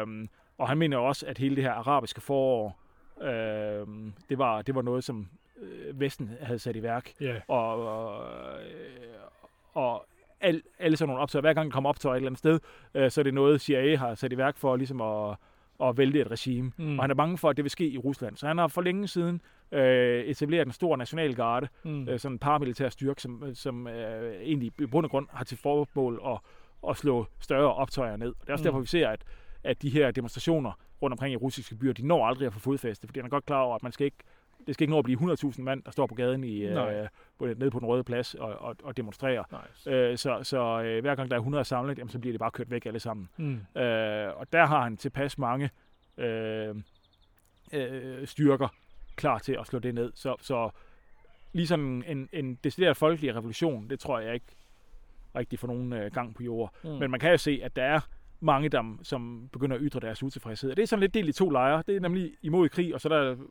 nogle, nogle øh, ultranationalister, mm. der mener, at at grunden til, at det ikke går bedre nede i Donbass og nede i Ukraine, det er simpelthen fordi, at, at Putin og, og den militære ledelse, øh, generalstaben, at de har været alt for blødsødende, mm. og ikke har gået Ja. hårdt nok ind fra starten af, Mm. øh, og som, og som øh, råber efter en hård linje. Mm. Ja. Og det er jo der, hvor, ja, nu lige for øh, den, den sidste krølle, øh, nu har Frankrig været ude og sige, at man skal passe på med, at man ikke ydmyger Rusland efter, øh, efter krigen. Og ukrainerne har været ude og, Oh, ja. og øh, kritisere ham for, for det. ja. Ja. Og der ender man jo netop i den der lidt der klassiske skisme, hvad, hvad skal vi gøre? Antaget nu, eksempelvis at Rusland ender med at tabe det her i en eller anden udstrækning, eller i hvert fald ja. minimum ikke vinder krigen. ja. Jamen skal vi så bare fortsætte med sanktioner? Ja, Risikerer vi så at ende med et Tyskland, der minder om det i 20'erne? I Tyskland. I Tyskland, ja, i 20'erne, efter ja, øh. Første Verdenskrig. ja, ja, ja, ja. At, at, at de blev pålagt så massive krigsskadeerstatninger ja, ja, for en krig, som befolkningen ikke selv mente, de havde tabt. ja, ja, Øh, ja. og, og, og, og hvor man ligesom mente, at det var også det var også England og Frankrigs skyld. mm. Man risikerer måske her, hvis, hvis ikke vi får overbevist befolkningen i Rusland om, at det er øh, Putins skyld, det her. ja, øh, men bare pålægger dem sanktioner på Mm. sanktioner på sanktioner, og man fra Putins side, fra den russiske administrations side, får, får solgt det her narrativ om, jamen, det her det er jo faktisk vestens skyld, mm. mm. alt sammen. Og, og se, nu prøver de bare at holde os nede. Mm. Så er det måske, at vi baner vejen for, at det er en mand, der er farligere end Putin, der kommer til magten efter Putin. Ja, det kunne det være. Og det er, det er, måske, det er måske frygten. Øhm, Så, så, så hvis, men hvis du her til sidst skal, skal kigge ind i krystalkuglen, øh. Ja. hvornår slutter krigen i Ukraine, og hvad slutter den med? Og nu, nu har du jo lov at, at, ja. Ja. at sige alle dine forbehold og sådan noget, Ja. men, men, men ja. Ja. hvad, sådan dit, dit allermest kvalificerede gæt ja. ja, 24. april. næste år, Nej, det sagde jeg ikke. på et tidspunkt, På et tidspunkt. 24. april. Jeg, jeg, jeg tror, at vi på et tidspunkt i efteråret kommer, kommer der en eller anden foreløbig afgørelse. Men, men, Okay. men, men, men det bliver ikke løst, Nej. det her, de næste mange, mange, mange år. Så, så en Øh, og, og det er virkelig, det, det er virkelig øh, et, et stort slag på tasken. Øh, ja, øh, ud fra efteråret, det er mere ud fra øh, sådan en mavefornemmelse af, hvornår må de løbe tør for, øh, for energi til ja. at gennemføre de her store operationer. øh, ja. og offensiver, som rent faktisk skubber ved, øh, ved grænserne. Mm. Øh, om det så går over i en decideret våbenhvile, eller om det går over i sådan mere lavintensitetskrig, ligesom mm. vi Mm. har set i, øh, fra, fra 14 og frem til nu, ja, det, det, er, det er så ikke øh, særlig godt at vide. nej. Jeg har ingen anelse om, hvordan det kommer til at se ud i forhold til øh, økonomien, fordi det, det er jo fuldstændig vanvittigt, hvad der sker lige nu på kryds og tværs med sanktioner og Ja, ja, ja, ja, øh, ja. rublen, der går op og ned, og, Ja. øh, og, og, og russiske aktiemarked, der bliver holdt kunstigt oppe. og, Ja, ja, ja. Øhm, og det- jeg, jeg, jeg har slet ikke forudsætninger for at sige, hvordan det kommer, øh, kommer til at gå. Rent Mm. militært, der tror jeg, vi skal øh, på den anden side af sommerferien på et eller andet tidspunkt, der tror jeg, der kommer en, en forløbig militær mm. Stabilisering, kan mm. vi kalde det det. Øhm, og Men det betyder ikke, at krigen er slut. men det betyder det bestemt ikke, at, bare, at, at, krigen er slut. Og lige nu er der ikke noget, der tyder på, at nogen af parterne er mentalt klar på at slutte fred. Øh, Ukraine er opsat på, at, at krigen først slutter, når Ukraine er befriet, Ja, inklusive Krim. ja, Det kan komme til at tage mange år. ja. Det, Øhm, og, og lige, der er jo altså også dele af Ukraine, som ikke nødvendigvis er særlig pro-ukrainsk, heller ikke på nuværende tidspunkt. mm. Øh, så de kan også komme til at møde modstand der. Og for Ruslands vedkommende, der er de ikke et sted lige nu, hvor, en, hvor de nuværende resultater vil kunne accepteres øh, som en sejr. Heller Ej, ikke, og de vil ikke kunne sælge det til, Jeg skulle til sige, det er svært at sælge som sejr. som en sejr til, Ja. ja. til deres egen befolkning, og det, og, det, og det må være minimumskravet for Putin. Ja. Det er, at han kan sige, at, at de, slutter, den her måde, de slutter ja. et bedre sted, end de startede. Ja, Øh, og så kan det godt være, at han siger, at alternativet var, at Ukraine var blevet øh, et NATO-land, og se, det har vi afværget. Ja. Det har de uden tvivl. mm. Men jeg er ikke sikker på, at det er, det er det er nok, godt og de nok, bliver nødt nej. til at søge efter et, et, et bedre resultat. nej. Så, så jeg tror, at en politisk løsning, der ligger vi altså et par år ude i, uh, i fremtiden. Rent militært, der tror jeg, at de helt store ting, det, det, det kommer til at gå lidt i stillstand, når vi kommer hen på, uh, på efteråret. Efterår, ja. Det er bedste bud, Ja. uh, men det er, Ja, men øh, så det er husk derude, kære lyttere, fremtiden. I hørte det her først. Martin siger, at i efteråret, der sker der noget rent militærsk, men øh, det kan sagtens vare noget tid endnu. Ja. Ja. Så det, øh, ja, Hvis det, vi skal tage den på en lidt kortere front, så bliver det interessant at se, hvad der sker nede ved Kærsæt-området over Mm. de næste, det næste måneds tid. ja, det, er jo- det er og- den her ukrainske modoffensiv. Ja, ja, den ukrainske modoffensiv, og så Ja. bliver det interessant at se, om, om, om Rusland kan få hele Luhansk-området, Ja. øh, som de er på vej til lige nu, men det, de begynder også at bremse op. Mm. Øh, og der ved jeg sgu ikke, hvad, hvad det ender med, om de, om de kan tage det. Mm. Ja.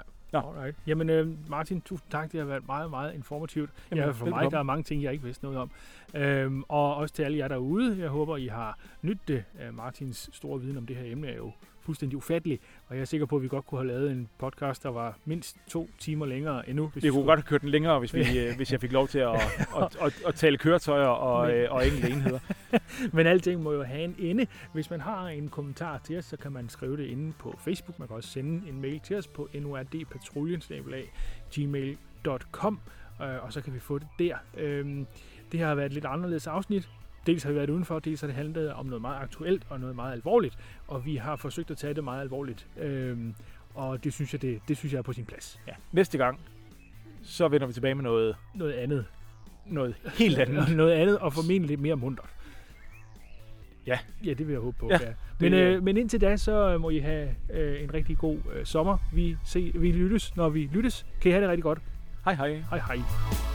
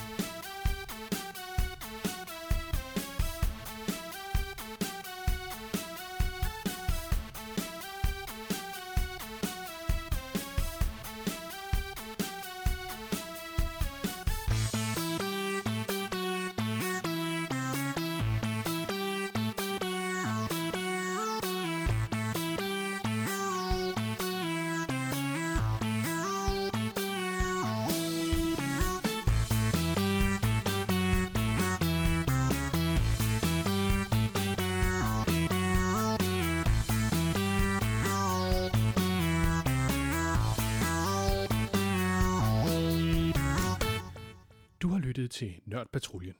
Værterne var Martin og Jakob. Musikken, der blev brugt, er spillet af Kevin MacLeod og hedder Presenterator.